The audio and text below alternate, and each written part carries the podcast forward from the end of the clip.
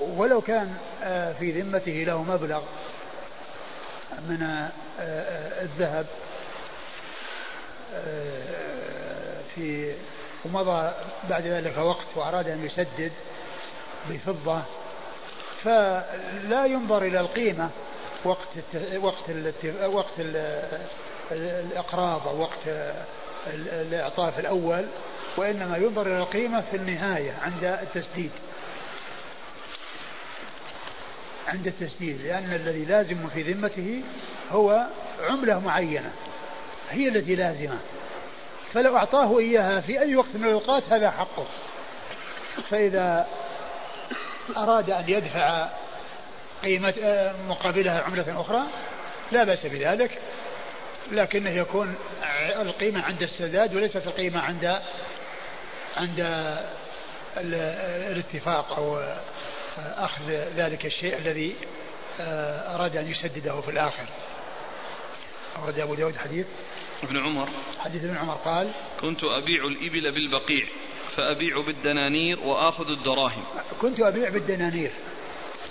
ثم عند الوفاة والله ما عندي أنا دنانير لكن عندي فضة. فيقدر يعني قيمتها من الدراهم. من الدراهم ويأخذ دراهم بدل الفضة بدل بدل الذهب. الدينار ذهب. لأن الدينار ذهب والدرهم فضة. إيه؟ الدنانير هي من الذهب. والدراهم من الفضة. إذا جاء دينار معناه ذهب. وإذا جاء درهم معناه فضة. يعني عندهم فيما مضى هكذا.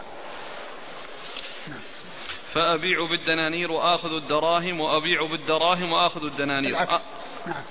آخذ آخذ هذه من هذه وأعطي هذه من هذه. نعم. فأتيت رسول الله صلى الله عليه وسلم وهو في بيت حفصة فقلت يا رسول الله رويدك أسألك إني أبيع الإبل بالبقيع. المراد البقيع المقبرة أو يعني لا يعني مكان حوله. حوله يعني قيل إنها النقيع وقيل إنها البقيع والمقصود انه يعني مكان حول بيت مو بنفس المقبرة. إني أبيع الإبل بالبقيع فأبيع بالدنانير وآخذ الدراهم وأبيع بالدراهم وآخذ الدنانير. آخذ هذه من هذه وأعطي, وأعطي هذه من هذه. فقال رسول الله صلى الله عليه وسلم لا بأس لا بأس أن تأخذها بسعر يومها ما لم تفترقا وبينكما شيء. نعم ما لم تفترقا وبينكما شيء. يعني إذا كان فيه اتفاق على أساس أنك تبي هذا بدل هذا فيكون تعطيه يعني بدل الذهب الذي في ذمتك ولا يكون يعني بينكما شيء نعم. حتى ما يصير النسيئة نعم قال حدثنا موسى بن إسماعيل موسى بن إسماعيل تبوذكي ثقة أخرجه أصحاب الكتب الستة. ومحمد بن محبوب. محمد بن محبوب هو ثقة أخرجه البخاري وأبو داود والنسائي. ثقة أخرجه البخاري وأبو داود والنسائي. عن حماد. عن حماد بن سلمة بن دينار ثقة أخرجه البخاري تعليقا ومسلم وأصحاب السنة. عن سماك بن حرب. عن سماك بن حرب وهو صدوق أخرجه البخاري تعليقا ومسلم وأصحاب السنة. عن سعيد بن جبير. عن سعيد بن جبير ثقة أخرجه أصحاب الكتب الستة. عن ابن عمر. عن ابن عمر صحابي جليل عبد الله بن عمر هو أحد العباد اللي من الصحابة وأحد السبع المعروفين بكثرة الحديث عن النبي صلى الله عليه وسلم. قال حدثنا حسين بن الأسود قال حدثنا عبيد الله قال أخبرنا إسرائيل عن سماك بإسناده ومعناه والأول أتم لم يذكر بسعر يومها ثم ذكر الحديث من طريق أخرى بالإسناد قال حدثنا حسين بن الأسود. حسين بن علي الأسود هو, هو صدوق يخطئ كثيرا. نعم أخرج له. داود. صدوق يخطئ كثيرا أخرجه أبو داود والترمذي. والترمذي. عن عبيد عبيد الله. عن عبيد الله بن موسى وهو ثقة أخرجه أصحاب كتب الستة. عن إسرائيل. عن إسرائيل بن يونس بن أبي إسحاق ثقة أخرجه أصحاب كتب الستة. عن سماك. عن سماك مر ذكره. قال باب في الحيوان بالحيوان في الحيوان بالحيوان نسيئة. والله أعلم وصلى الله وسلم وبارك على عبده ورسوله نبينا محمد وعلى آله وأصحابه أجمعين. جزاكم الله خيرا وبارك الله فيكم ونفعنا الله ما قلتم. الإخوان أرسلوا أنه لو تفضلتم تعيدوا مسألة الفرق بين الصرف والبيع إذا بقي منهما شيء الفرق بين الصورتين نعم. الصرف جئت إلى صراف وعندك مئة تبغيها ريالات. فقال ما عندي ريالات عندي مئة ريالات لكن خذ خذ هذه سبعين ويبقى ثلاثين تأتي تأخذها. هذا لا يجوز لأنه صرف. لأنك لابد يعني مئة من الورق اللي هو فئة الريال مقابل المئة التي هي فئة المئة. أما كونك آه، تذهب وبقي عنده شيء معناه أنه صار فيه نسيئة لأن هذا صرف أما المسألة الثانية جئت إلى صاحب دكان واشتريت من سلعة بخمسين ريال. وأنت معك مئة. فقال أعطني المئة. ويبقى عندي لك خمسين. تعود إليه يعطيك الخمسين. هذا ما قال له صرف لأن هذا مئة في مقابل سلعة. الخمسين هي ثمنها فبقي زيادة يعطيها إياه لأن ما ما في صرف. الصرف آه، ورق بورق. عملة بعملة. وأما هذا سلعة بعملة. إلا أنه ما عنده المبلغ المقابل للسلعة. ولكن عنده مبلغ أكثر منه. وهذا يريد أن يطمئن إلى حقه. يعني يمكن ما يعرف هذا الشخص. لو قال خذ السلعة وتأتي تعطيني الثمن يمكن أنه يعني يذهب ولا يأتي بالثمن. لكن كون هذا صاحب دكان وجالس وهذا سيأتيه ويجده ويعطيه الباقي. هذا هذا جائز وذاك غير جائز. هذا جائز لأنه ليس فيه صرف وليس فيه محذور وذاك لا يجوز لأنه صرف. يقول عندنا عادة وهي دفع مال للمتزوج وعندما يتزوج هذا الدافع فإنه يعطيه هذا المبلغ أكثر من هذا المبلغ أو مثله. فهل هذا جائز؟ فيه قرض. آه القضية يعني كون هذا يعطي وهذا يعطي والذي يعطي هذا أكثر مما يعطي لأن هذا ما فيه قرض. هذا أعطى يعني هبة وذاك أعطى هبة أكثر. هذا ساعد بمقدار وهذا ساعد بمقدار هذا هذا ما في بأس. أقول لا بأس بهذا ولا يقال أن هذا أن فيه أن فيه تفاضل لأن هذا وهب شيء وهذا وهب شيء. أقول هذا وهب شيء وهذا وهب شيء. هذا لا بأس به. لكن كون كون الإنسان أو الناس يعطون اللي يعطوا يعني لو كان الإعطاء من أجل أنهم يعني متبرعين وأنهم مساعدون دون أن يكونوا يعني يريدون شيئا من وراء ذلك في المستقبل لا شك أن هذا أولى من من من هذا الشيء. لا إذا كان سلف هذا شيء آخر إذا كان سلف إذا كان أعطاه سلف يعني معناه معناه اتفق معه على أنه سلف وسيرجع إليه. فإن كان متفق على أنه يرجع أكثر هذا لا يجوز. شراء الذهب بالشيك المصدق. شراء الذهب؟ بالشيك. ما دفع إنما يدفع الشيك. هل يعتبر يقوم مقام النقد؟ والله يقوم مقام النقد. يقوم مقام النقد لأن حمل الفلوس يعني كما هو معلوم يعني من الصعوبة بمكان ولهذا الناس الآن يتعاملون بالشيكات يقول اشتريت ذهبا ودفعت ثمنه ثم رددت بعضه لإصلاحه في نفس المجلس ولم نفترق. فهل هذا جائز؟ أم يجب الافتراق قبل إرجاع بعض الذهب الذي يجب إصلاحه؟ لا. أبدا ما, ما يلزم الافتراق ما دمت أنك لأن البيع تم والصرف تم بكونك أخذت حق حقك وهو أخذ حقه. فكونك يعني أرجعت إليه شيء ليصلحه ما ما يؤثر.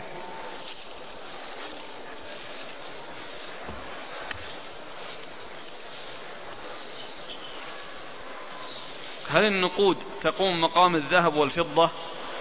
نعم الآن الناس ما بيدهم ذهب وفضة ما عندهم إلا النقود. الناس ما يتعاملون إلا بالورق وبهذه النقود التي قامت مقام الذهب.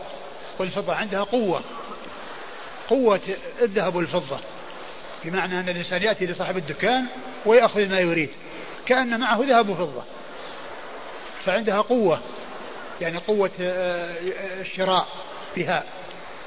فطبعا هي محلة محل الذهب والفضة الناس الآن ما عندهم ذهب وفضة يتبايعون بها أو يشترون بها.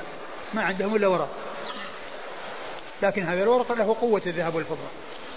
لكن هذه النقود الآن تقوم مقام الذهب ولا مقام الفضة؟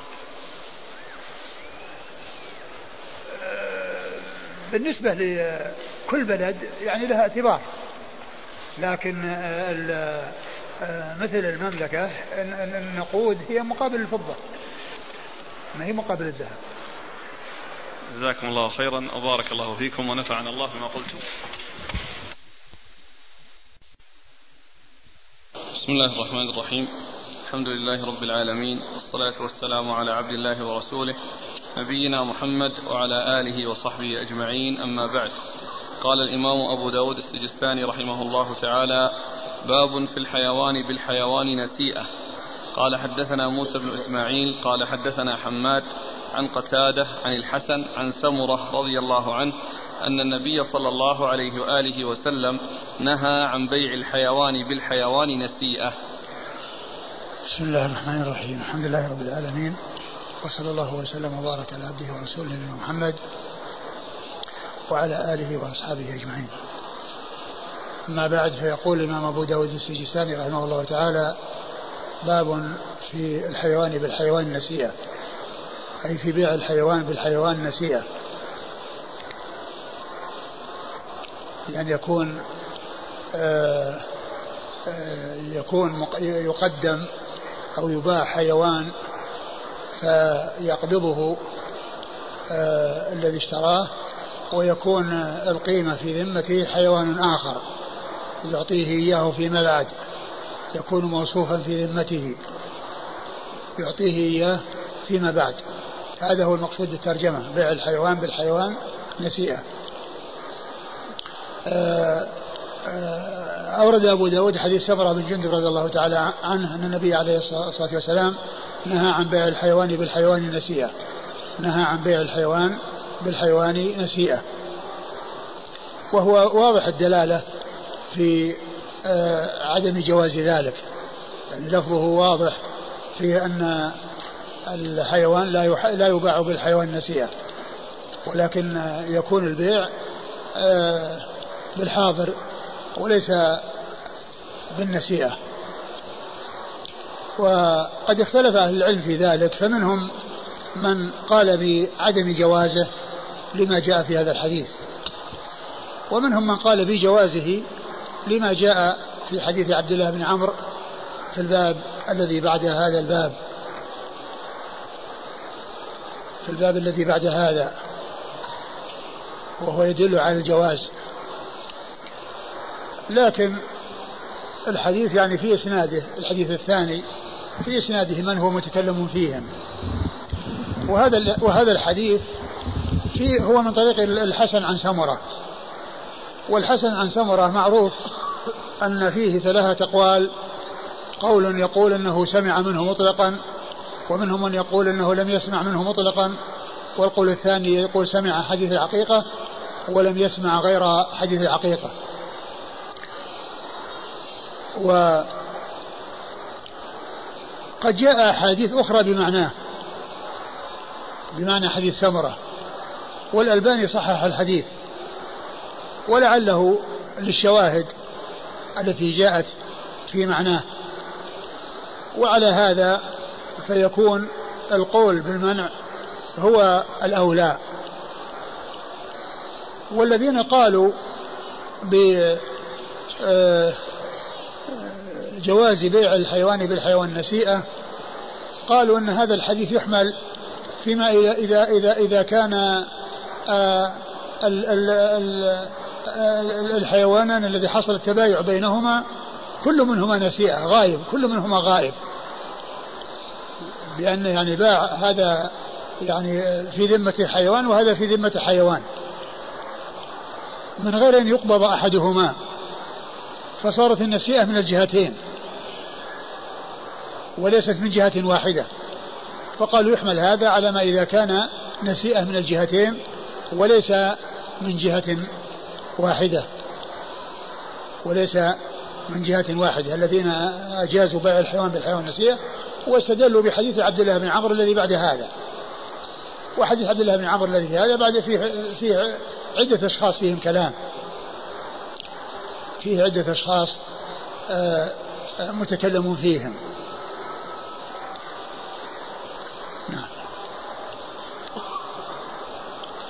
قال حدثنا موسى بن إسماعيل موسى بن إسماعيل ثقة أخرجه أصحاب كتب الستة.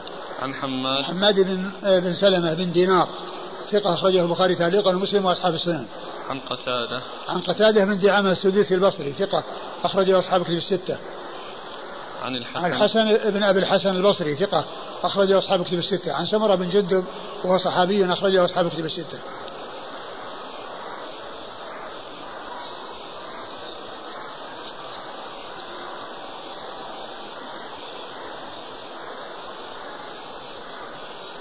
قال رحمه الله تعالى باب في الرخصة في ذلك.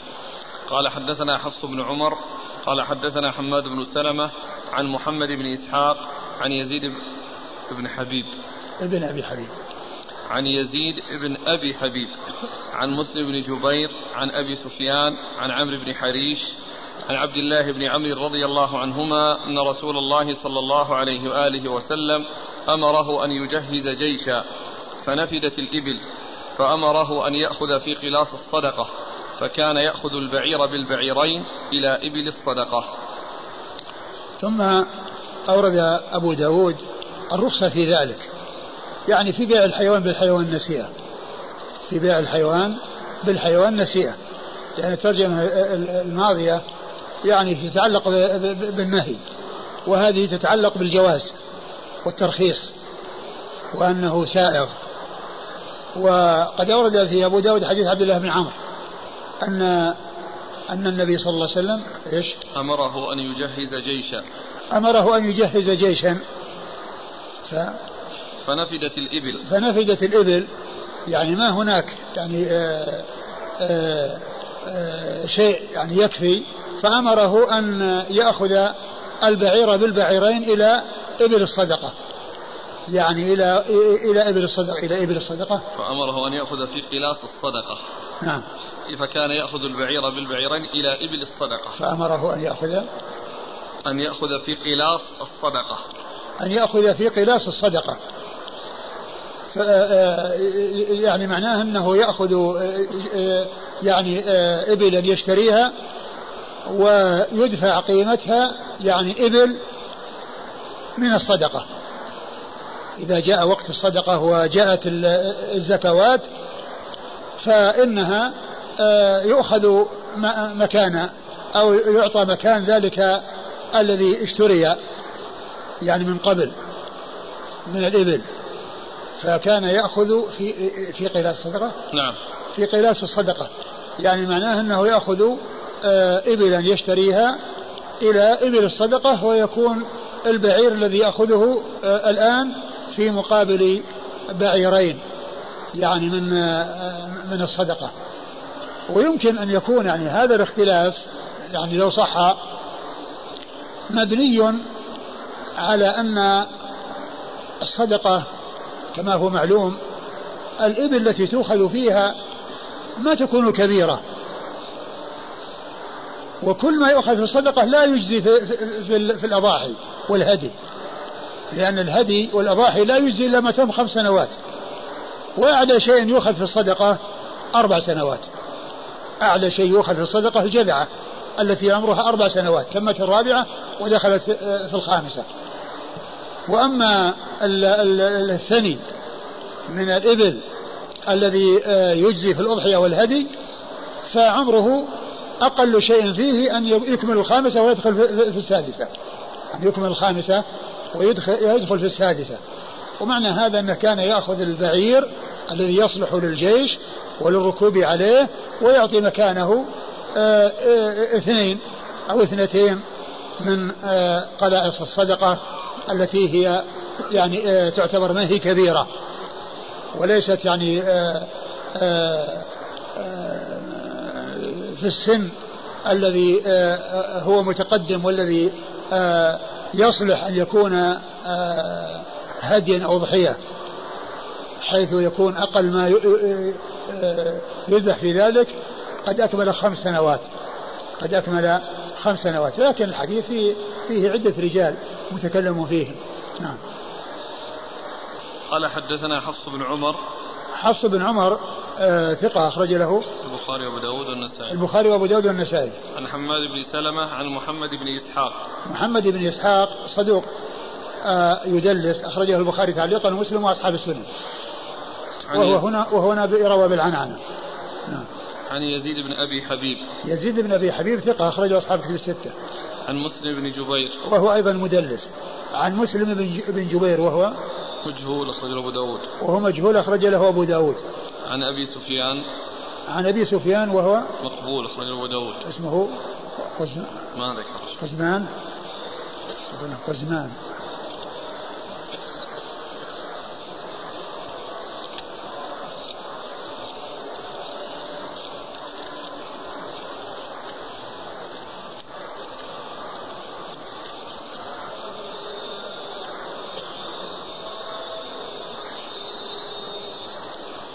لا هذاك الثاني الذي الثاني هذا هو مولى ابن ابي ابن أبي أحمد. ما ذكر اسمه؟ أما هذا أبو سفيان عن عمرو بن حريش قال مقبول أخرج أبو داود. ما ذكر اسمه؟ لا. هذا سيأتي آخر أبو سفيان مولى ابن أبي أحمد. واللي بعده الاسناد اللي بعده. في اسناد اللي بعده. لا ليس هذا يا شيخ. هذا الحديث انت هذا ما له اسناد آخر؟ لا لا ما له. طيب. أبو سفيان إيش؟ بس أبو سفيان مقبول اخرج أبو داود. لا أبو سفيان قال عنه إيش؟ يروي عن عمرو بن حريش بس يعني كذا؟ بس. آه، مقبول أخرجه أبو داود. نعم. عن عمرو بن حريش عن عمرو بن حريش وهو؟ مجهول الحال. وهو مجهول الحال أخرج له أبو داود. أبو داود. عن عمرو عن عبد الله بن عمرو. عبد الله بن عمرو العاص رضي الله تعالى عنهما الصحابي الجليل وهو أحد العباد الأربعة من الصحابة وحديثه أخرجه أصحاب الكتب الستة.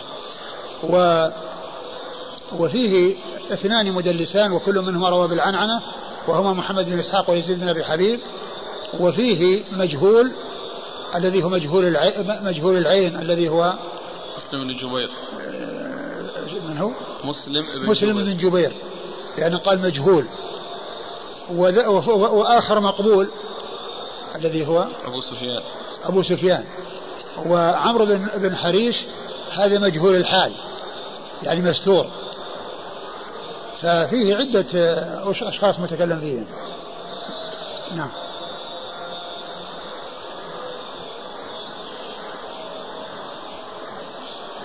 الأخ يقول أنه الشيخ الألباني رحمه الله ضعفه في سنن أبي داود وحسنه في الإرواء. اللي هو هذا؟ أي. برقم 1358 كان حسنه من من وجوه أخرى. فهو يسأل يقول ما المعتمد؟ والله ال ال ال ال هذا اللي هو الذي هو حديث سمرة. هو الذي صححه وجاء من طرق أخرى وما في إلا سمرة آه، الحسن عن سمرة. وقد جاء من طرق أخرى ولعله صح من أجلها. أقول صح من أجلها. وأما هذا ففي عدة ضعفاء.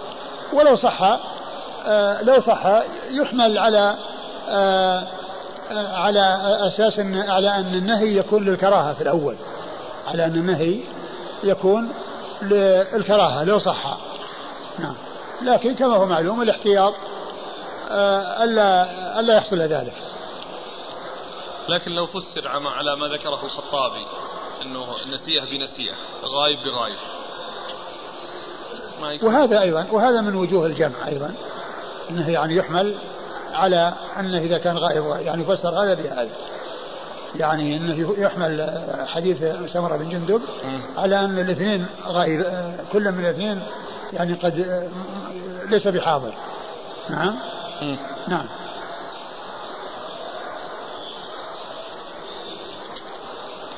قال رحمه الله تعالى باب في ذلك إذا كان يدا بيد.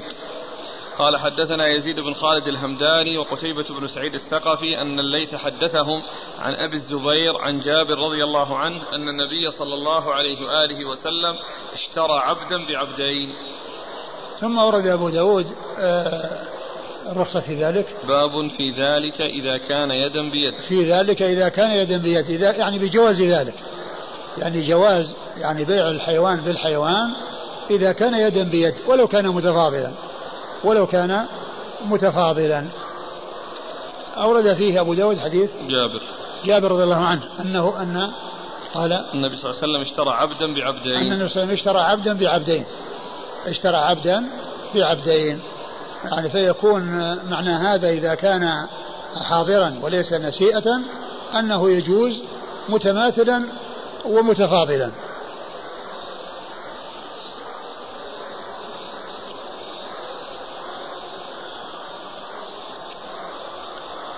قال حدثنا يزيد بن خالد الهمداني.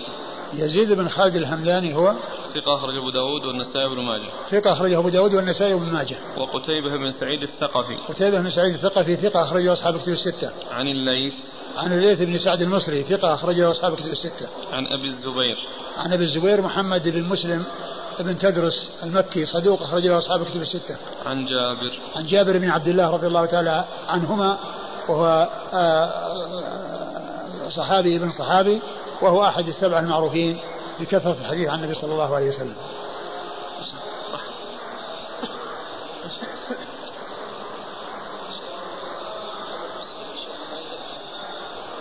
إلا هو مدلس. أقول مدلس هو معروف بالتدليس الذي هو محمد بن مسلم بن تدرس. الحديث من خرجه؟ مسلم. خرجه مسلم؟ نعم والحديث في صحيح مسلم. نعم.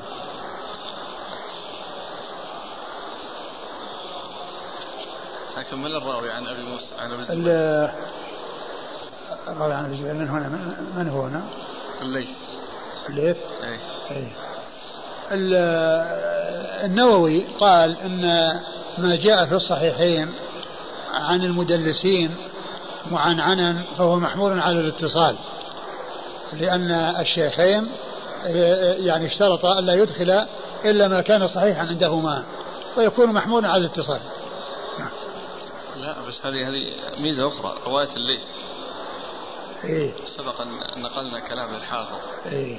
أن الليث آه، سأل أبا الزبير ميز لي ما سمعت من جابر مما لم تسمع فميز له فروايات الليث عن. أبي الزبير محمولة على ما سمعها منه وهذا أيضا وهذا أيضا يعني زيادة يعني في الإيضاح قال رحمه الله تعالى باب في التمر بالتمر. يعني الثمر بالتمر. ها؟ الثمر بالتمر.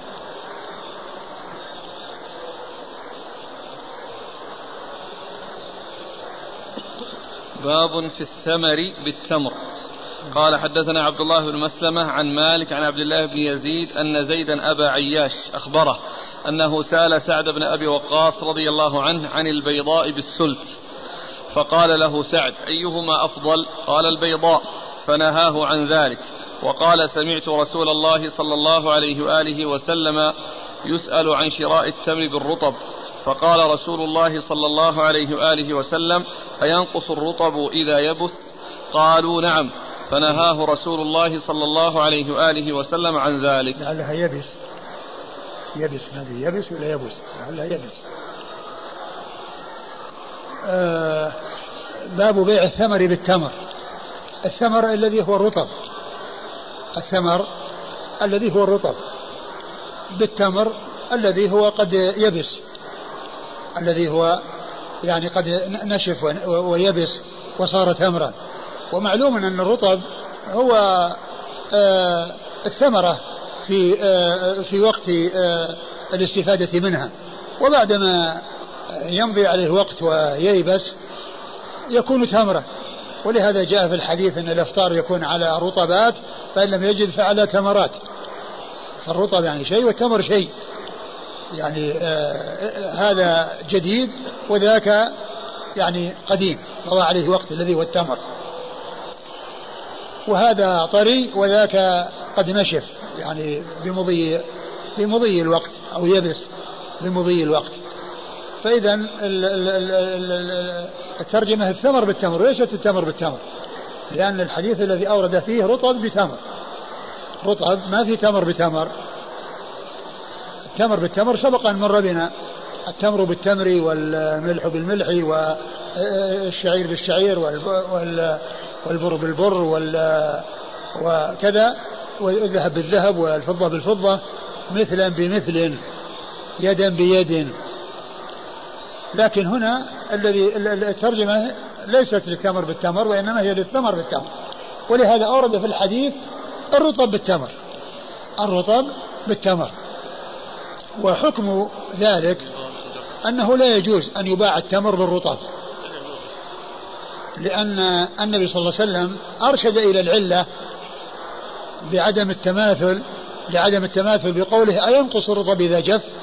قال ذلك مقررا يريد أن يعني يعني يقرر لهم العلة أو يلفت أنظارهم إلى العلة. أينقص الرطب إذا جف؟ قالوا نعم قال لا. إذا لا يباع رطب التمر فأورد أبو داود حديث سعد بن أبي وقاص رضي الله عنه قال أن زيدا أبا عياش سأل سعد عن البيضاء بالسلت فقال له سعد أيهما أفضل؟ قال البيضاء. نعم. فنهاه عن ذلك. ثم قال سعد بن وقاص أن سأله أبو عياش عن بيع البيضاء بالسلت فقال أيهما أفضل؟ قال البيضاء. فقال يعني فلا. يعني, يعني معناه أنه يعني لا يباع هذا بهذا. وفسرت البيضة بتفسيرين. أحدهما أن المقصود به البر البيضاء التي فيها رخاوة ورطوبة أو نداوة وليست اليابسة التي والسلت نوع من يعني من من من الثمر دقيق يعني كأنه نوع آخر. وهذا لا يناسب يعني الترجمة ولا يناسب ما جاء في الحديث لأن الذي جاء في الحديث من جنس واحد إلا أنه يفترق بكون هذا يعني آه، رطب وهذا يابس. هذا جديد وهذا قديم لأنه جاء بعده بالتمر بالرطب. التمر بالرطب. فيكون معنى هذا أن البيضة بالسلج أنها من جنس واحد ولكن مختلف في الرطوبة واليبوسة. والتفسير الثاني أنه نوع من السلت الذي هو يعني نوع من الحبوب ولكن هذا النوع اللي قاله البيضة يعني فيه رطوبة وأنه يعني آه، طري. وهذا هو الذي يناسب الرطب بالتمر يناسب الرطب بالتمر أو ذكر الرطب بالتمر الذي آه، آه، استدل به جابر رضي الله استدل به سعد. سعد رضي الله عنه. الرطب بالتمر وأنه ليس جنسا آخر. لأنه لو كان جنسا آخر جاز التفاضل كما جاء عنه وسلم إذا اختلفت الأجناس فبيعوا كيف شئتم إذا كان يدا بيد. إذا اختلفت الأجناس فبيعوا كيف شئتم إذا كان يدا بيد يعني معناه يجوز التفاضل. لكن المحذور فيما إذا كان من جنس واحد. كان يباع آه يعني بر رطب يعني قبل أن ييبس ببر يابس.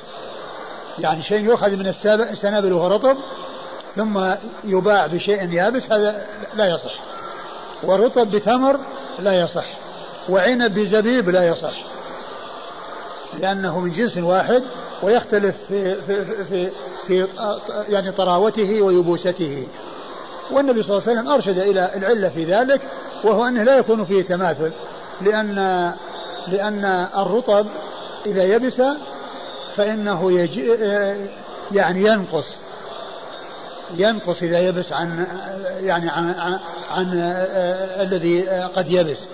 لو بيع صاع بصاع صاع من الرطب بصاع من التمر ثم ترك الرطب حتى ييبس يكون أقل من صاع. فالنبي صلى الله عليه وسلم أرشد إلى العلة لسؤالهم ليقرر ليبين لهم الحكمة والعلة في أن ذلك لا يجوز وهو أنهم يعرفون أنه ينقص. نعم. قال قال بعده إيش؟ قال سعد بن إيش قال؟ فنهاه عن ذلك وقال سمعت رسول الله صلى الله عليه وسلم يسأل عن شراء التمر بالرطب. نهاه عن ذلك لأن هذا مثله اللي استدل به لأن استدل بالتمر بالرطب, مع بالرطب وهذا من جنسه. لكون هذا حبوب بحبوب وهي من جنس واحد إلا أن هذا رطب وهذا يابس. فنهاه عن ذلك وقال إن النبي صلى الله عليه وسلم كان يسأل عن الرطب بيع الرطب بالتمر فينهى عن ذلك. نعم. كان يسأل سمعت رسول الله صلى الله عليه وسلم يسأل عن شراء التمر بالرطب. نعم. فقال رسول الله صلى الله عليه وسلم أينقص الرطب إذا يبس؟ قالوا نعم. فنهاه رسول الله صلى الله عليه وسلم عن ذلك. الرسول صلى الله عليه وسلم سؤاله هذا سؤال تقرير وليس سؤال استفهام واستعلام وأنه ما كان يعرف أن الرطب ينقص إذا جف وإذا يبس.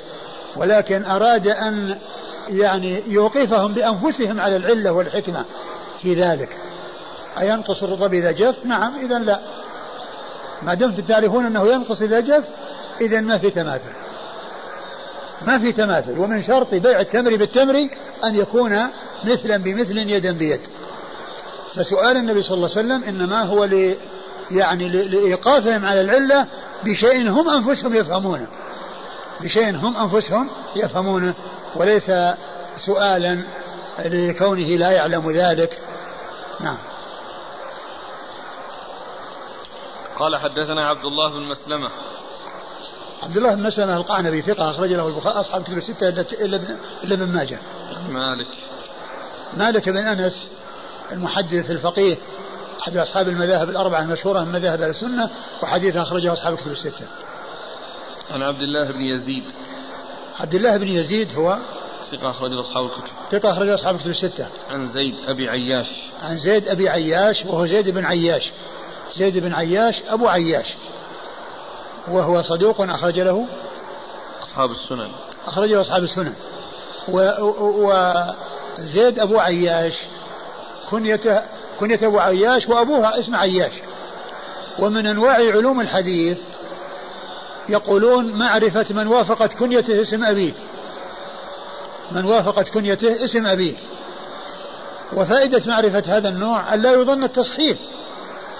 الذي يعرف أنه زيد أبو عياش ولا يعرف أنه أبو ابن عياش يظن أن أبو أن, أن الذي يعرف أنه أنه زيد بن عياش ثم يجد زيد أبو عياش ولا يدري أن كنية أبو عياش يظن أن أبوه تصحفت عن ابن.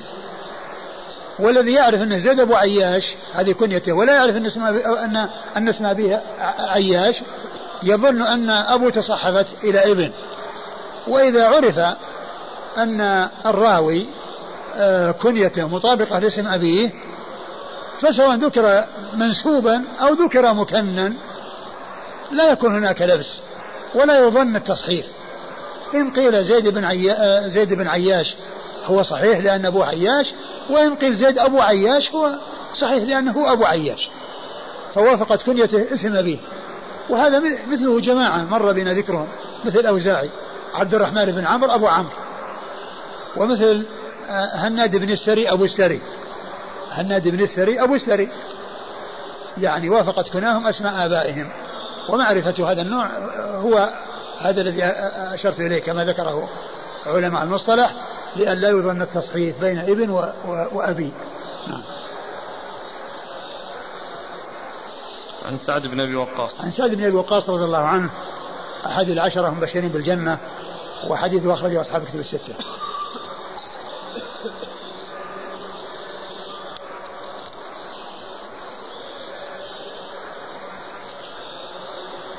قال أبو داود رواه إسماعيل بن أمية نحو مالك.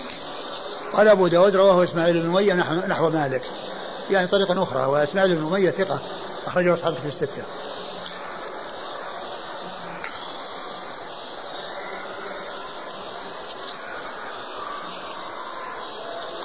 قال حدثنا الربيع بن نافع أبو توبة. قال حدثنا معاوية يعني بن السلام عن يحيى بن أبي كثير. قال أخبرنا عبد الله أن أبا عياش أخبره أنه سمع سعد بن أبي وقاص رضي الله عنه يقول نهى رسول الله صلى الله عليه وآله وسلم عن بيع الرطب بالتمر نسيئة. ثم ورد أبو داود حديث سعد, سعد. سعد بن أبي وقاص أنه نهى عن بيع الرطب بالتمر نسيئة. وهذا مثل الذي قبله إلا أن فيه ذكر النسيئة.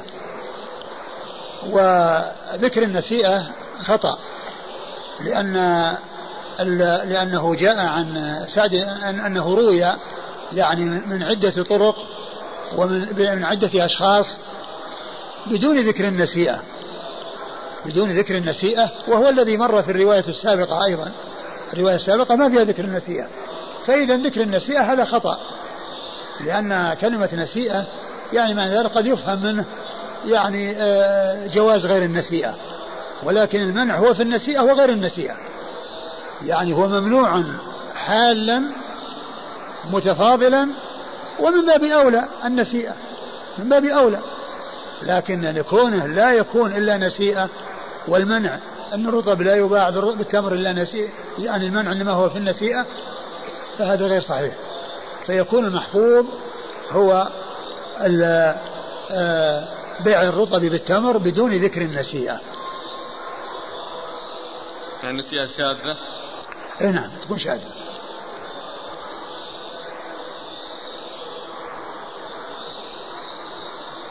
قال حدثنا الربيع بن نافع أبو توبة. الربيع بن نافع أبو توبة الحلبي وهو ثقة أخرجه أصحاب الستة إلى الترمذي. نعم. أصحاب الكتب الستة إلى الترمذي. وهذا أبو أبو أبو, أبو, أبو توبة الربيع بن نافع الحلبي هو الذي اشتهر عنه الكلمة آه، التي قال فيها أن معاوية رضي الله عنه ستر لأصحاب محمد صلى الله عليه وسلم. فمن اجترأ على الستر اجترأ على ما وراءه. اجترأ على ما وراءه. يعني من سهل عليه أن يتكلم بمعاوية سهل عليه أن يتكلم بغير معاوية. والسيئة تجر إلى السيئة والزيغ يجر إلى الزيغ. والله تعالى يقول فلما زاغوا أزاغ الله قلوبهم. فلما زاغوا أزاغ الله قلوبهم. ومن العقوبة على السيئة السيئة بعدها. كما أن من ثواب الحسنة الحسنة بعدها. من ثواب الحسنة يوفق الإنسان لحسنة بعدها ومن العقوبة على السيئة أن آه، يبتلى بسيئة بعدها. فقول أبي توبة آه، الربيع بن نافع آه، الحلبي رحمه الله إن معاوية ستر لأصحاب رسول الله صلى الله عليه وسلم فمن كشف الستر اجترأ على ما وراءه. يعني مناه من يعني سمح لنفسه أن تتكلم بمعاوية وأن يعيب معاوية أو ينتقد معاوية فإنه من السهل عليه أن ينتقل إلى ما وراء معاوية. رضي الله تعالى عن الصحابة أجمعين. نعم. عن معاوية يعني ابن سلام. عن معاوية ابن سلام. يعني آه، آه، معاوية بن سلام هو؟ ثقة أخرج أصحاب الكتب ثقة أخرج أصحاب الكتب الستة. عن يحيى بن أبي كثير. عن يحيى بن أبي كثير اليمامي. يحيى بن أبي كثير اليمامي وهو ثقة أخرجه أصحاب الكتب الستة. عن عن عبد الله. عن عبد الله بن يزيد الذي مر ذكره. عن أبي عياش عن سعد بن أبي وقاص. عن أبي عياش عن سعد بن أبي وقاص مر ذكره يعني إلا يحيى بن أبي كثير الامامي هو الذي انفرد بكلمة نسيئة وغيره من الثقات رووه بدون نسيئة. ومنها الحديث الذي مر الذي حديث مالك. مالك؟ مالك وتابعه إسماعيل بن أمية. نعم إسماعيل مالك وتابعه إسماعيل بن أمية. يعني رووه آه، النهي عن بيع الرطب بالتمر مطلقة بدون أن يقيد بنسيئة. نعم. قال أبو داود رواه عمران بن أبي أنس عن مولى عن مولى لبني مخزوم عن سعد رضي الله عنه عن النبي صلى الله عليه وسلم نحوه. ثم هذه طريقة أخرى. عمران. رواه عمران بن أبي أنس. عمران بن أبي أنس وهو ثقة أخرج البخاري في الأداء المفرد ومسلم وأصحاب السنة. ثقة أخرج البخاري في الأداء المفرد ومسلم وأصحاب السنة. عن مولى لبني مخزوم عن سعد. عن سعد رضي الله عنه. مر ذكره.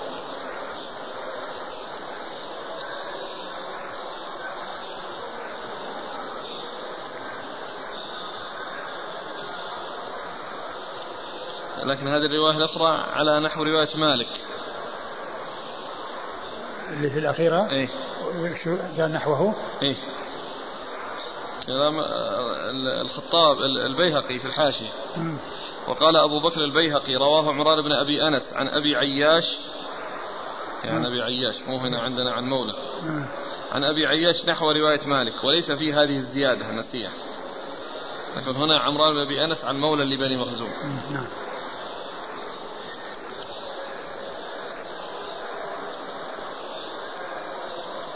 وهو قال يعني في الآخر في الآخر عمران بن أبي عياش عن مولى عن مولى. لا عمران بن أبي أنس. نعم بن أبي أنس عن, عن مولى لبني مخزوم عن, عن سعد. عن سعد.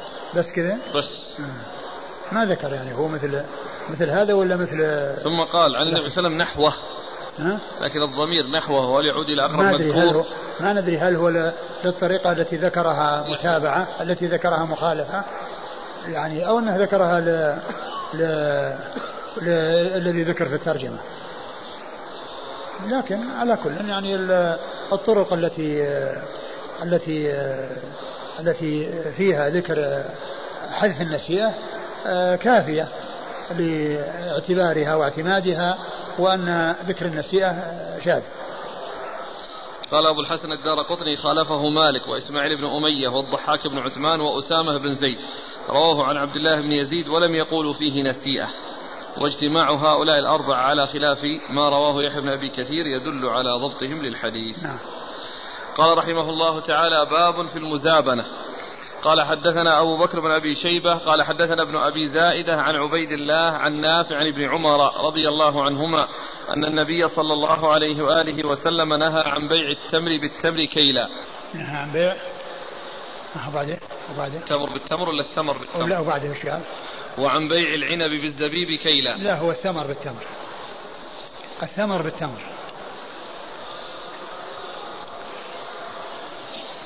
أن النبي صلى الله عليه وعلى آله وسلم نهى عن بيع الثمر بالتمر كيلا وعن بيع العنب بالزبيب كيلا وعن بيع الزرع بالحنطة كيلا.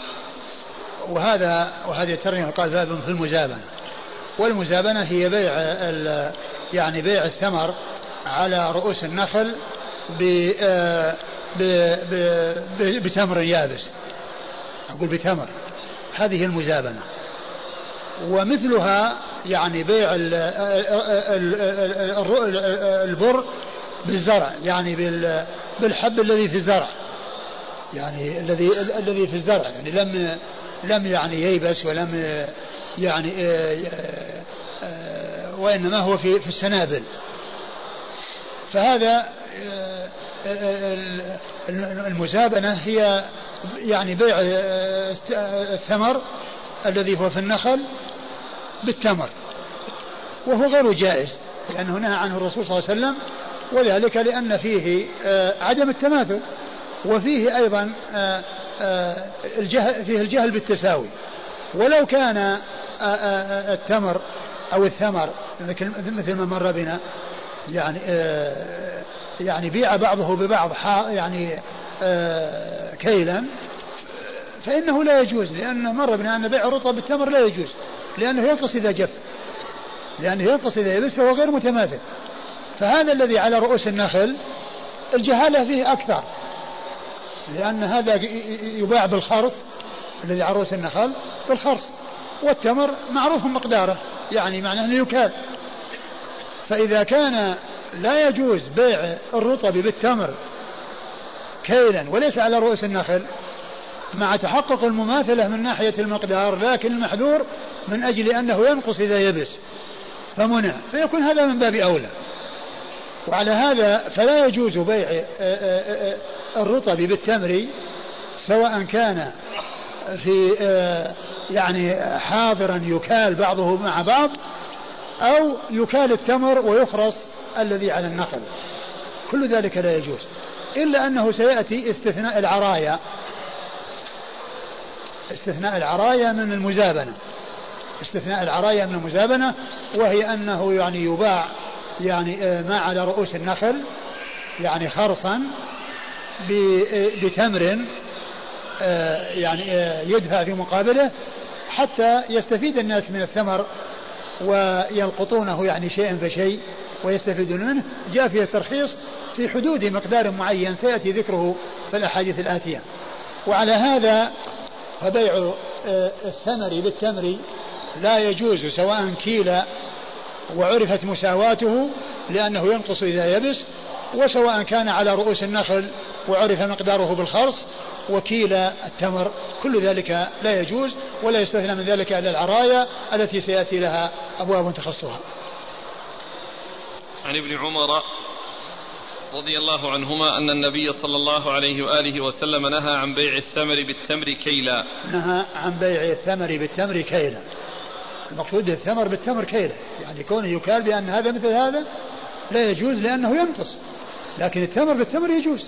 يكال وهذا مثل هذا مقدار هذا التمر بالتمر مثلا بمثل. جائز لأنه لأنه متساوي. وأما بيع الرطب بالتمر فإن الرطب إذا جف ينقص فلا يكون فيه فلا يكون فيه التماثل نعم. الثمر يعني المراد به الرطب. الرطب نعم الثمر الرطب. لأن ذكر التمر مقابل الثمر المقصود به الرطب. مثل مثل الذي بعده زبيب بعنب و الزرع بحنطة. وزرع ببر نعم. وعن بيع العنب بالزبيب كيلا. وعن بيع العنب بالزبيب كيلا. لأن العنب إذا إذا يبس ويعني آه، يبس ينقص مقداره عن الزبيب. يعني صاع من هذا أو صاع من هذا ينقص الرطب عن اليابس إذا يبس.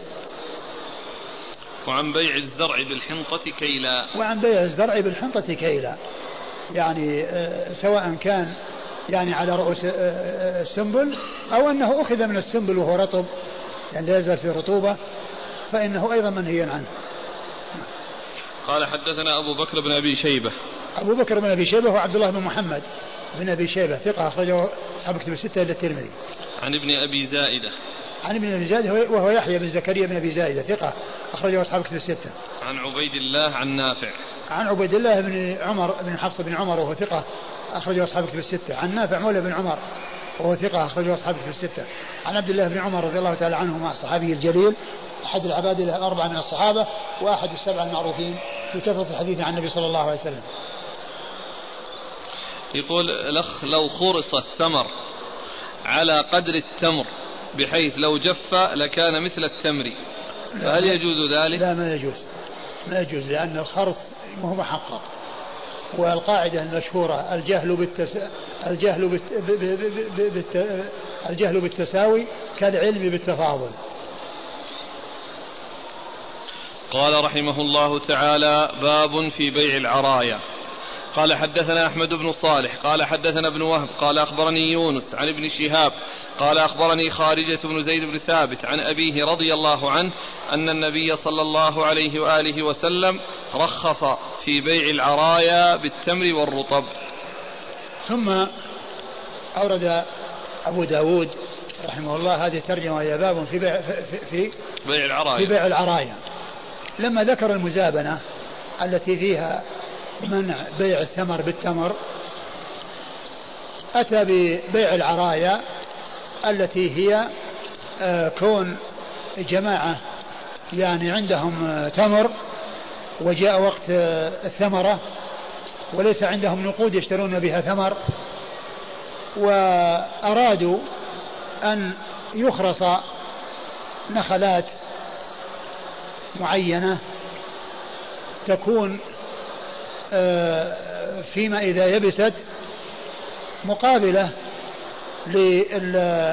للتمر الذي سيدفع.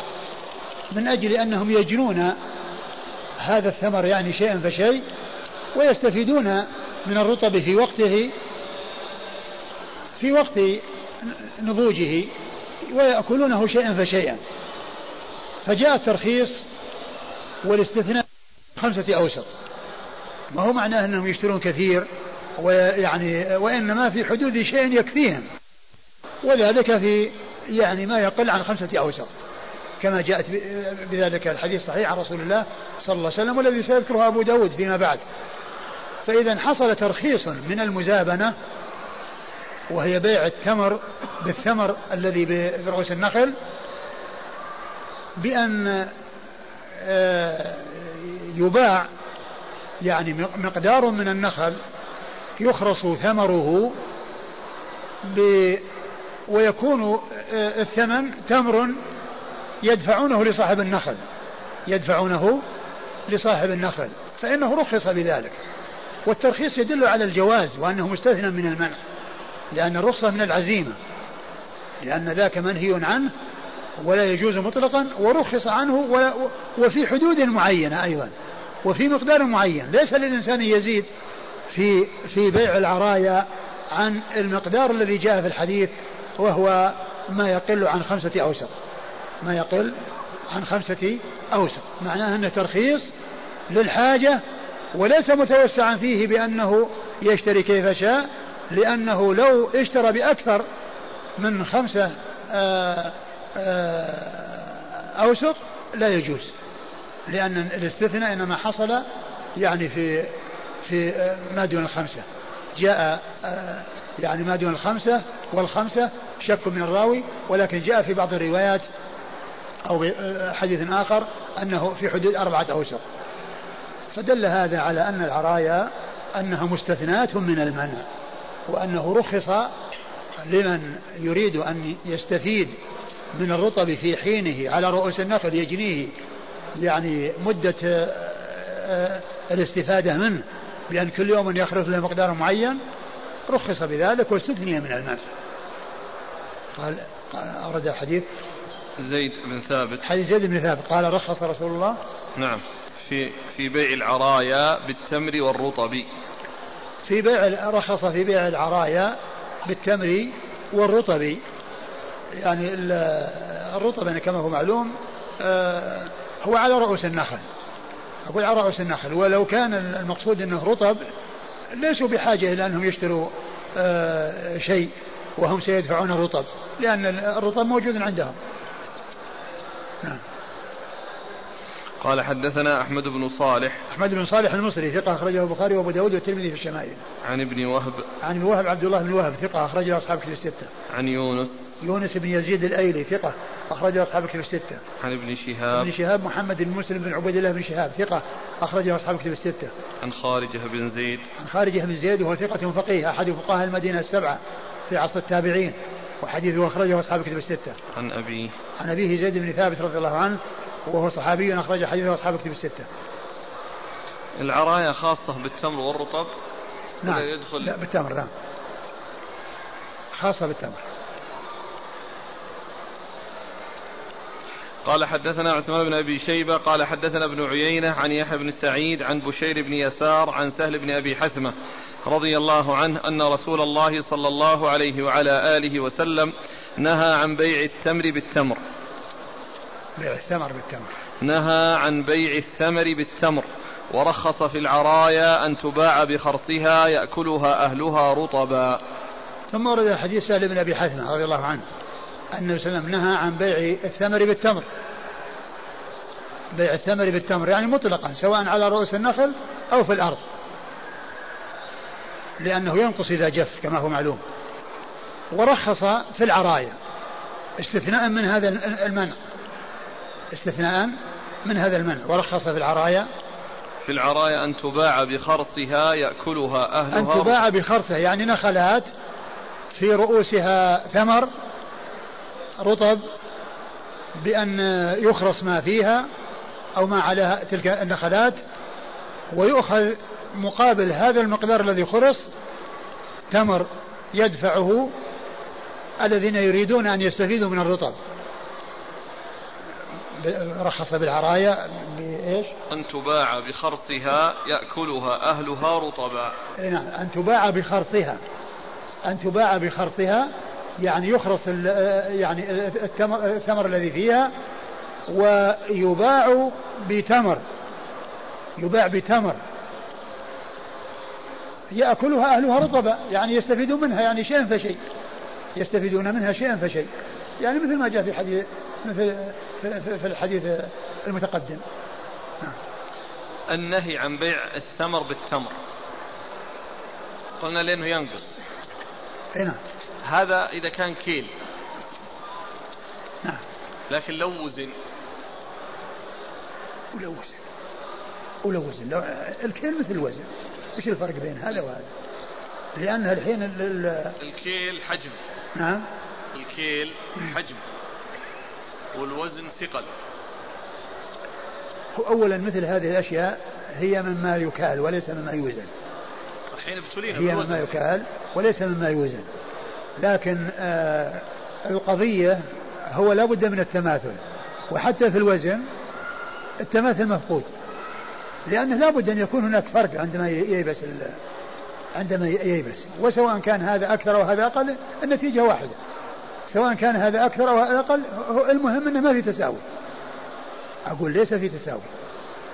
لأنه لو وزن ما هو مقطوع عنده أن هذا آه، إذا يبس مماثل لهذا اليابس. فالجهل موجود. والجهل بالتماثل كالعلم بالتفاضل.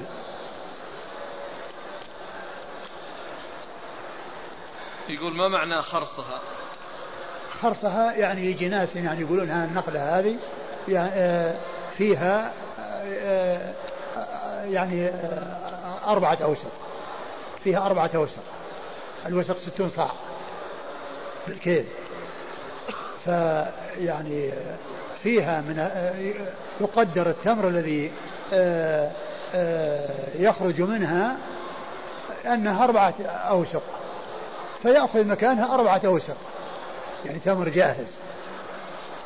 يعني مكانه. يخرص الذي على النقل لأنه ما يمكن كيله ولا وزنه لأنه في, في القنوان ما فيه إلا الخرص. بأنه يقدر.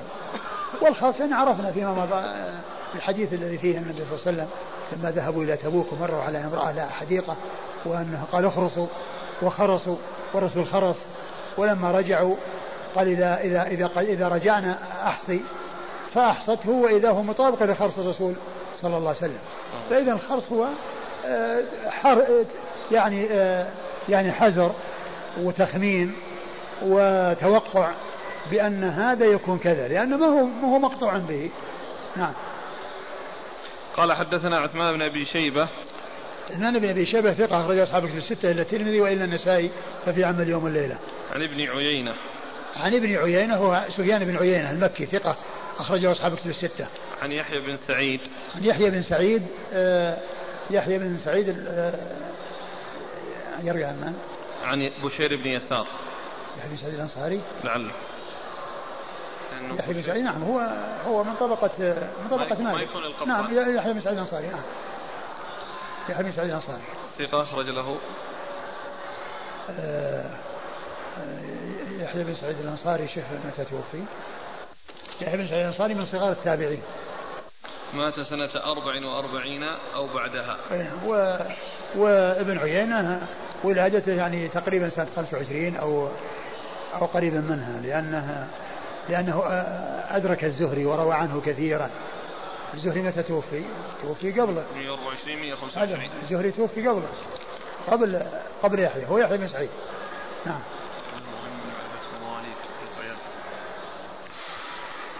ثم أيضا هو من طبقة مالك اللي هو سفيان بن عيينة.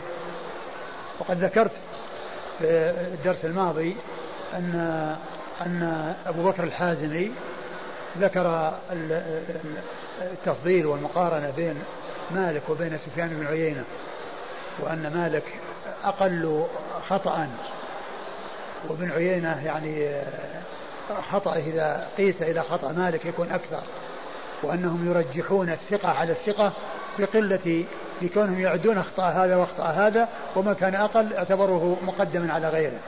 نعم. فالموازنة كانت بين مالك وبين سفيان بن عيينة. نعم. عن بشير بن يسار. بشير بن يسار هو ثقة أخرج أصحاب الكتب. ثقة أخرج أصحاب الكتب الستة. عن سهل بن أبي حثمة. سهل بن أبي حثمة رضي الله عنه وأخرج حديثه أصحاب الكتب. أصحاب الكتب الستة. آه, آه، يستفاد من قوله أن تباع بخرصها يأكلها أهلها. أنها إنما أبيحت للأكل. طبعا للأكل. أجل الاستفادة من الرطب. لا بتاجر بها. لا لا. بياخذ خمسة أوسق بس؟ لا المت... أبدا لا. هذه رخص فيها للاستفادة ما هو للتجارة. لا يجوز ذلك أنه يأخذها ليبيعها لأن هذا مستغني. وإنما رخص لمن يريد أن يأكل لأن ناس ناس عندهم تمر ولا عندهم رطب. ما عندهم فلوس يشترون ما عندهم فلوس يشترون فهم يريدون أن يأكلوا. فالترخيص إنما هو للأكل وليس للتجارة. قال رحمه الله تعالى باب في مقدار العرية. قال حدثنا عبد الله بن مسلمة قال حدثنا مالك عن داود بن الحصين عن مولى لأبي عن مولى بن أبي أحمد.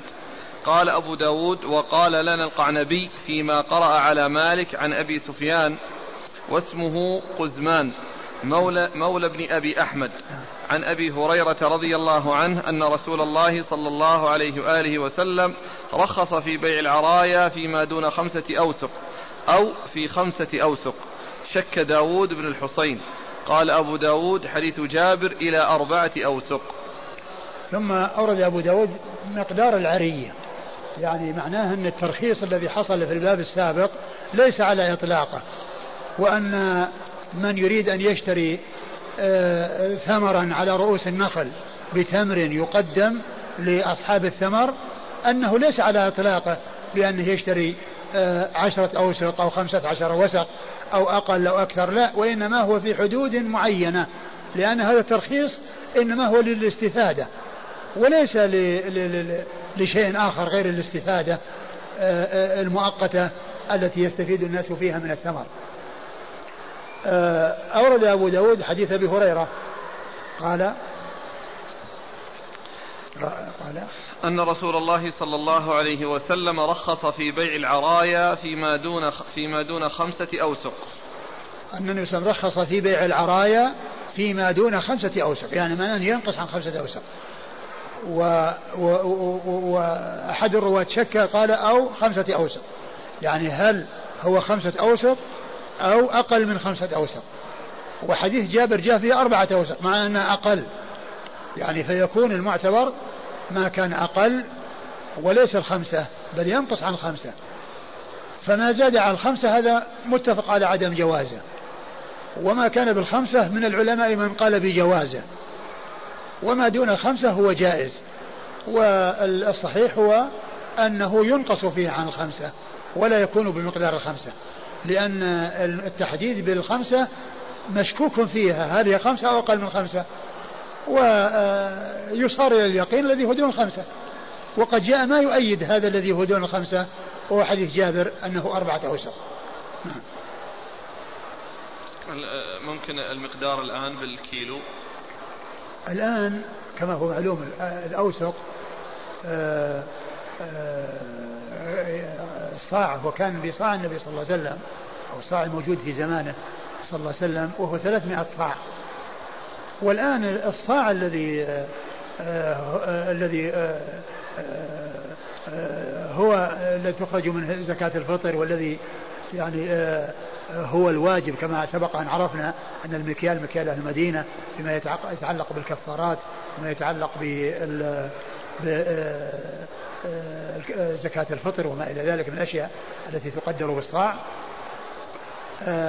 أن مقصود ذلك هو صاع النبي صلى الله عليه وسلم. والآن هو يقدر بثلاثة كيلو.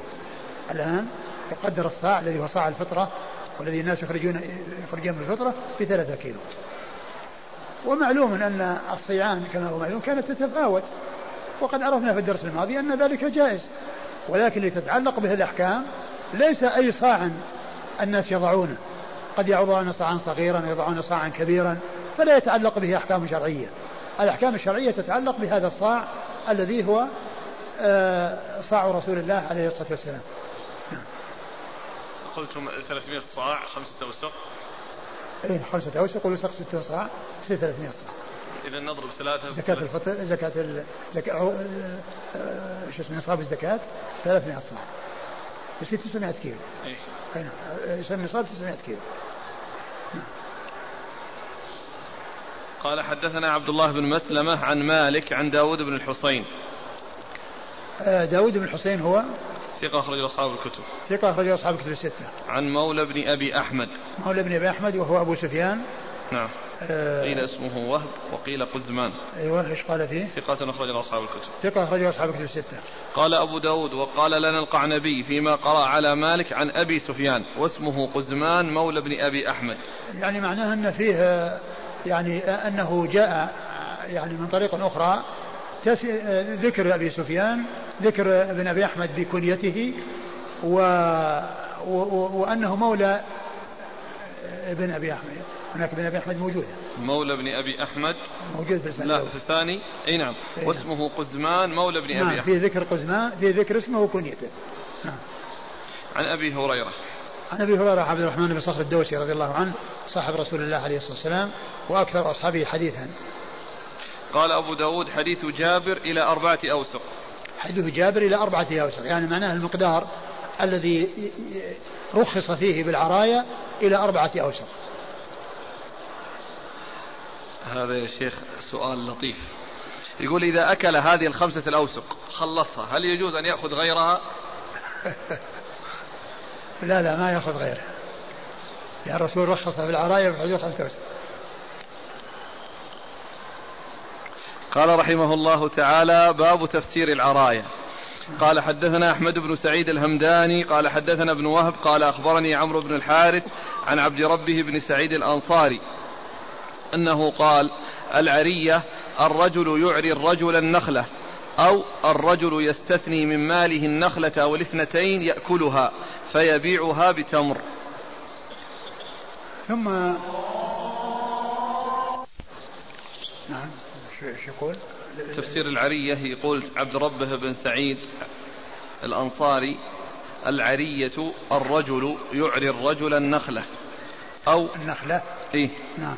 أو الرجل يستثني من ماله النخلة أو الاثنتين يأكلها فيبيعها بتمر. آه هذا تفسير من يحيى بن سعيد الأنصاري وهو أخو يحيى بن من عبد ربه بن سعيد الأنصاري وهو أخو يحيى بن سعيد الذي الذي مر ذكره قريبا. هذا أخوه عبد ربه بن سعيد. قال هو أن يعري الرجل النخلة أو آه، يستثني من نخله النخلة أو النخلتين يأكلها ثم يبيعها. بتمر. ثم يبيعها بتمر. يعني معناها أنه يبيع بستانه يعني ويستثني منه يعني بعض النخلات ثم إنه يبيعها بتمر. يبيعها بتمر وهو على رؤوسها يعني. وهو على رؤوسها يبيعها بتمر. يعني هذه النخلات التي استثناها. وهذا تفسير ضيق لأن الذي مر أن آه الثمر على رؤوس آه بيع الثمر بالتمر أنه غير غير صحيح والمزابنة وهي بيع آه، الثمر بالتمر أن ذلك لا يجوز وأنه استثني من ذلك العرايا وجاء أنه في حدود آه، ما يقل عن خمسة آه، خمسة أوسق ما يقل عن خمسة أوسق. فهذا الذي ذكره هنا يعني فيه كان تقليل يعني قال نخلة ونخلتين مع أن الأمر أوسع من هذا. يمكن أنه يعني يباع للشخص الواحد في حدود ما يقل عن خمسة أوسق. ما يقل عن خمسة أوسق هو الذي جاء ذكره في الأحاديث مطلق ثم جاء تقييده بذكر آه، كونه يقل عن خمسة أوسق. فهذا التفسير آه، فيه آه، تقليل أو ضيق لأنه ذكر نخلة أو نخلتين. والأمر يعني كما هو معلوم أوسع وأكثر من هذا. نعم. قال حدثنا أحمد بن سعيد الهمداني. أحمد بن سعيد الهمداني هو؟ صدوق أخرجه أبو داود. صدوق أخرجه أبو داود. عن ابن وهب. عن وهب مر ذكره. عن عمرو بن الحارث. عن عامر بن الحارث عمرو بن الحارث المصري ثقة أخرجه أصحاب كتب الستة. عن عبد ربه بن سعيد. عن رب عبد ربه بن سعيد أخو يحيى بن سعيد وهو ثقة أخرجه أصحاب كتب الستة.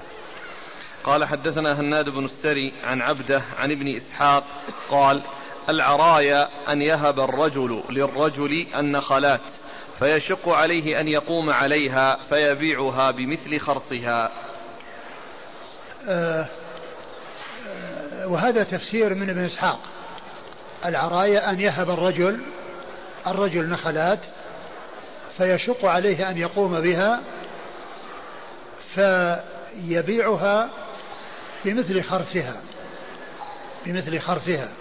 وهذا على وجه آخر يختلف عن ال عن ال الذي تقدم إلا أنه يشبهه من ناحية أن الذي اشترى بالتمر هو صاحب البستان. من الشخص الذي أعراه وأعطاه. وعلى هذا فيكون على هذا التفسير يكون الاستثناء من شراء الصدقة. كل إنسان يعني يتصدق بشيء أو يهب شيء ثم آه، يشتريه. وهذا يختلف عن عن الأول إلا أنه يشبهه في آه، آه، كونه بيع تمر بمقدار بما يقابله خرصا على رؤوس النخل ولكن التفسير الأوضح هو الذي الذي جاء ذكره في الأحاديث السابقة والذي جاءت الإشارة في الحديث السابقة وتفسير يحيى بن سعيد الأنصاري يوافقه إلا أن فيه تضييق وتقليل ل يعني ما ما ما يباع في ذلك. نعم. يعني هنا الإشكال أنه يشتري بعد ما وهب. أي نعم. لأنه آه، أنه يعني لم يتمكن من القيام عليها اللي هو صاحب البستان.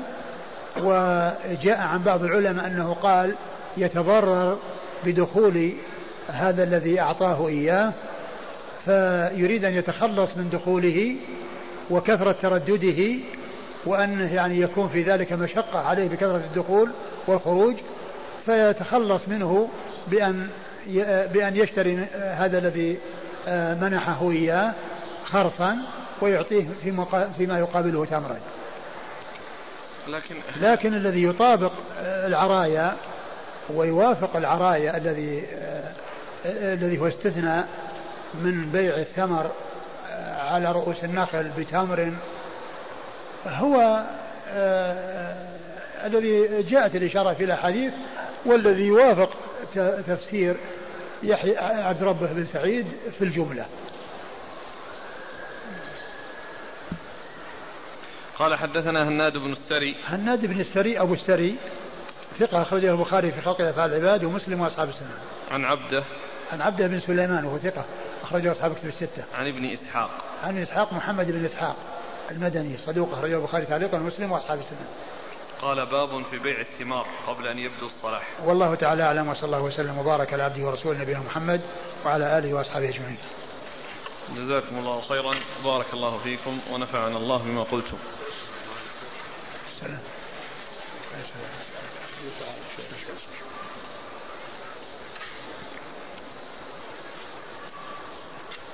شخص رغب في شراء ذهب معين. ولم يتحصل لديه قيمة هذا الذهب. فأشار إليه البائع بأن يأخذ منه عربونا حتى يحفظ له السلعة ريثما يكمل قيمة الذهب. لا ما يجوز أبدا. لا يجوز أنه يشتري شيء ولم يسلم يسلم القيمة كاملة. لا يكون إلا إذا اشتراها كاملة وأما كونه أعطاه بعض القيمة والقيمة مؤجلة النتيجة واحدة. نعم. ولو كان لأنه الآن يعني معناه أنه تم بينهما البيع. معناه أن ذاك ما يقدر يتصرف في آه، في في سلعته. يعني يعتبر العربون هذا شيء من القيمة؟ اي هو من القيمة. أصلا العربون إنما يكون جزء من القيمة وليس شيئا خارج عن القيمة. رجل اشترى ذهبا بخمسين وأعطى البائع مئة. وقال له رد علي الباقي فقال البائع ليس عندي الآن ولكن خذه تعال غدا. خذ إيش؟ خذ الذهب. تعال غدا أعطيك الخمسين الباقي لك. إيش السؤال؟ رجل اشترى ذهبا بخمسين. خمسين آه. ما حدد أيوه. وأعطى البائع مئة. إيه يعني معناه كان خمسين ريال. إيه. وأعطاه مئة ريال. نعم. أيوة. وقال له رد علي الباقي. قال البائع ليس عندي الآن. ولكن خذه وتعال غدا. لا ما يصلح هذا. هذا يبقى عنده الذهب وهذا تبقى عنده المئة. وإذا صرف الخمسة الخمسين يجي ويشتري. ما هي مثل نوع البيع اللي أمس؟ ويش قلنا اشترى شيء سلعة. وما استطاع ما عند البائع. لا بس هذا ذهب. ده. أقول هذا ذهب. لكن الآن الريالات قلنا أنها فضة نعم بس أنها كيف, كيف شئتم إذا كان يدا بيد؟ يعني بيعوا كيف شئتم إذا كان يدا بيد؟ لابد من التقابض. يخلي الباقي دين عليه. لا. يعتبرها دين عليه. لا. لأن هذا يعني معناه بيع دون أن يكون هناك تقابض. ما حكم صرف النقود؟ أعني أن الرجلين أحدهما معه ريالات معدنية والآخر ورقية. فيتبادلان عشرة ورق بتسعة. وهو المسألة اللي راحت يعني يقول هو إنه بيعطيه المئة؟ إيه ولا إنه بس يعني آه، بس يبي ياخذ شو اسمه لا هو قال له رد علي الباقي الخمسين الباقي ردها لي. أيوة. قال ما عندي صرف ما عندي أيوة. باقي. أيوه. خذ ذهبك وتعال بكرة رد أعطيك الخمسين الباقي لك. خذ ذهبك. وهو اشترى خذ الذهب. الذهب اشتراه بخمسين إيه. وأعطاه مئة ريال نعم. والبائع ما عنده صرف. نعم. فقال له خذ الذهب وتعال بكرة أعطيك خمسينك الباقي. على كل فيها شبهة. يعني من ناحية من ناحية أن, أن هذا يعني شبيه بالصرف الذي هو بيع بيع عملة بعملة. نعم. هذه بالنسبة للصرف الريالات بالمعدن. عشر ريال يعطيه تسعة ريال معدن.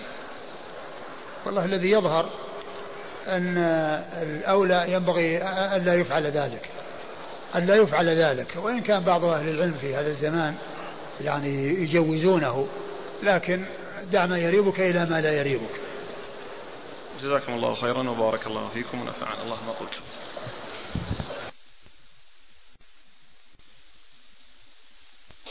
بسم الله الرحمن الرحيم.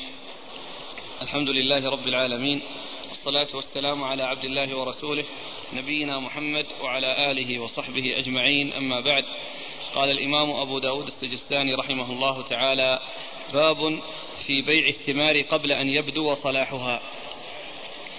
قال حدثنا عبد الله بن مسلمة القعنبي عن مالك عن نافع عن عبد الله بن عمر رضي الله عنهما أن رسول الله صلى الله عليه وعلى آله وسلم نهى عن بيع الثمار حتى يبدو صلاحها.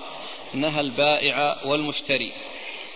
بسم الله الرحمن الرحيم. الحمد لله رب العالمين وصلى الله وسلم وبارك على عبده ورسوله نبينا محمد وعلى آله وأصحابه أجمعين. أما بعد فيقول الإمام أبو داود السجستاني رحمه الله تعالى باب في بيع الثمار قبل أن يبدو صلاحها. أي في أن ذلك لا يجوز في بيان حكمه وأنه غير جائز. وقد جاءت الأحاديث في ذلك عن رسول الله صلى الله عليه وسلم. قد أورد أبو داود حديث عبد الله بن عمر بن الخطاب رضي الله تعالى عنهما أن النبي صلى الله عليه وسلم قال نهى رسول الله عليه الصلاة والسلام عن بيع الثمار قبل أن يبدو صلاحها. نهى البائع والمشتري. نهى البائع والمشتري.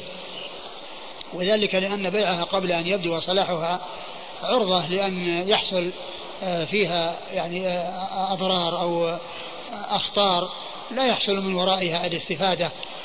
ولكن آه، شرع بيعها عندما تبدأ الاستفادة منها. وذلك بأن يطيب أكلها ويحصل زهوها وأن يحصل احمرارها وصرارها فيكون أكلها طيبا. ويكون بدا صلاحها بذلك فإنه عند ذلك يباع يجوز بيعها.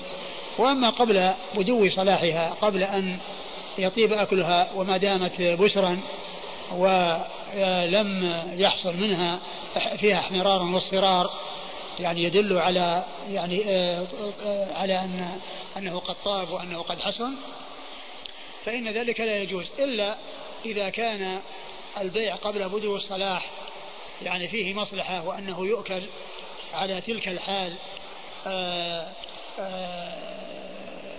قبل أن يبدو صلاحه ويكون من أجل قطعه وأنه يقطع ويستفاد منه قبل أن يبدو صلاحه وليس للتبقية بأن يشتريه قبل أن يبدو صلاحه ويستمر فإن ذلك لا بأس به لأن المقصود من ذلك كونه يشتريه ويتركه على رؤوس النخل يأكله شيئا فشيئا. هذا شرع بعد بدو الصلاح أما قبل بدو الصلاح فإن كان الناس يحتاجون إلى أكله بسرا وأنهم يستفيدون منه والذي يشتريه يجذه ويستفيد منه سواء كان يأكل أو يبيع فإن ذلك لا بأس به. وإنما المحذور هو الإبقاء والتبقية. يعني كونه يشتريه للتبقية ويأخذ منه شيئا فشيئا فذلك لا يجوز إلا بعد بدو الصلاح نعم. قال حدثنا عبد الله بن مسلمة القعنبي. عبد الله بن مسلمة القعنبي ثقة أخرج أصحاب كتب الستة إلا ابن ماجه. عن مالك. عن مالك بن أنس الإمام المحدث الفقيه أحد أصحاب المذاهب الأربعة المشهوره من مذاهب أهل السنة وحديثه أخرجه أصحاب كتب الستة. عن نافع. عن نافع مولى بن عمر وهو ثقة أخرجه أصحاب كتب الستة. عن ابن عمر. عن ابن عمر رضي الله تعالى عنهما الصحابي الجليل أحد العباد له الأربعة من الصحابة وأحد السبعة المعروفين بكثرة الحديث عن النبي عليه الصلاة والسلام. وهذا الإسناد رباعي من أعلى الأسانيد عند أبي داود.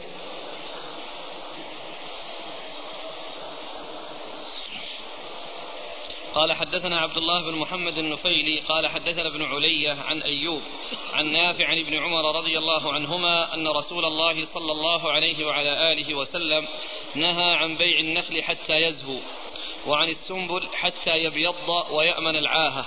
نهى البائع والمشتري.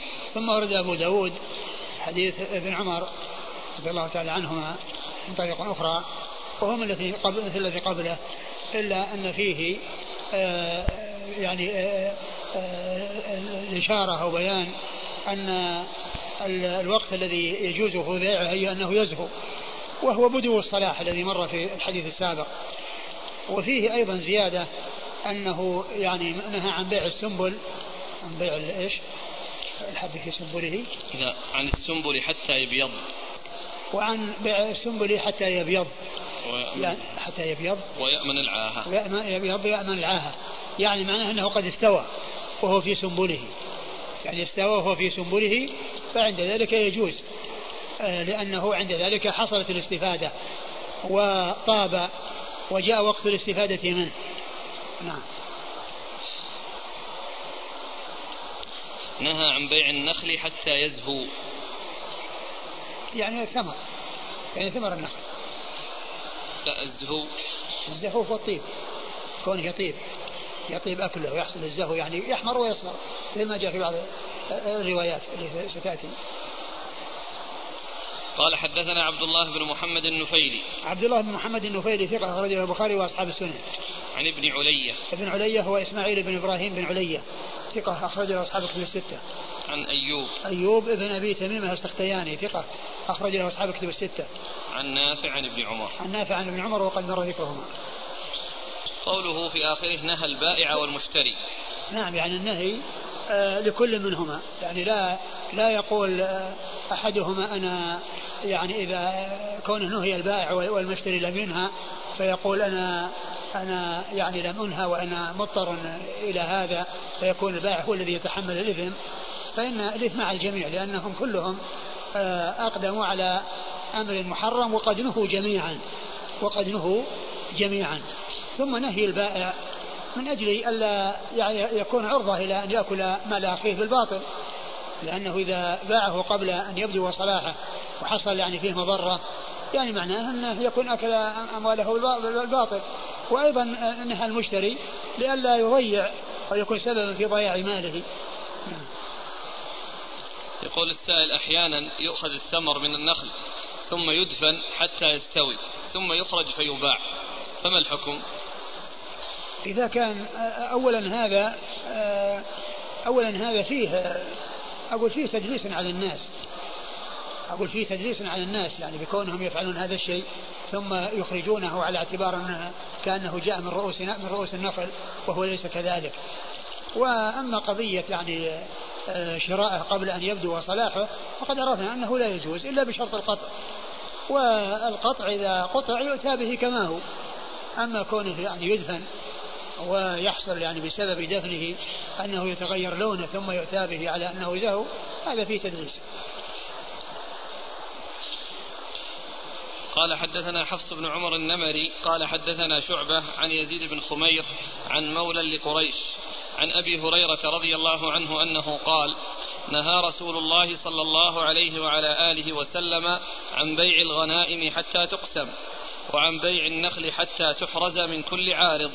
وأن يصلي الرجل بغير حزام. ثم أورد أبو داود آه حديث أبي هريرة. آه هذه الترجمة وهي باب نفس الباب نفس الباب نعم قال نهى نهى رسول الله حديث أبي هريرة نهى رسول الله صلى الله عليه وسلم عن بيع الغنائم حتى تقسم. نهى عن بيع الغنائم حتى تقسم. نهى عن بيع الغنائم حتى تقسم لأن الغنائم قبل قسمتها قبل قسمتها ألحق مشاع. ليس يعني نصيب كل واحد متميز. لأن كل قطعة من الغنائم آه، الكل مشتركون فيها. وإذا قسمت عرف كل نصيبه فتصرف فيه. فقبل أن يعرف كل نصيبه معنى ذلك أنه يبيع شيء لم يكن ملكه له خالصا بل مشترك. مثل الإنسان الذي يكون عنده يعني أرض بينه وبين شخص آخر فيبيعها مع أنه لا يملكها كلها وإنما حقه مشاع فيها فإنه لا يجوز لأن هذا مشاع ولم يتميز وإذا ميز وأخذ كل نصيبه وعرف كل نصيبه يتصرف فيه كيف يشاء. نعم.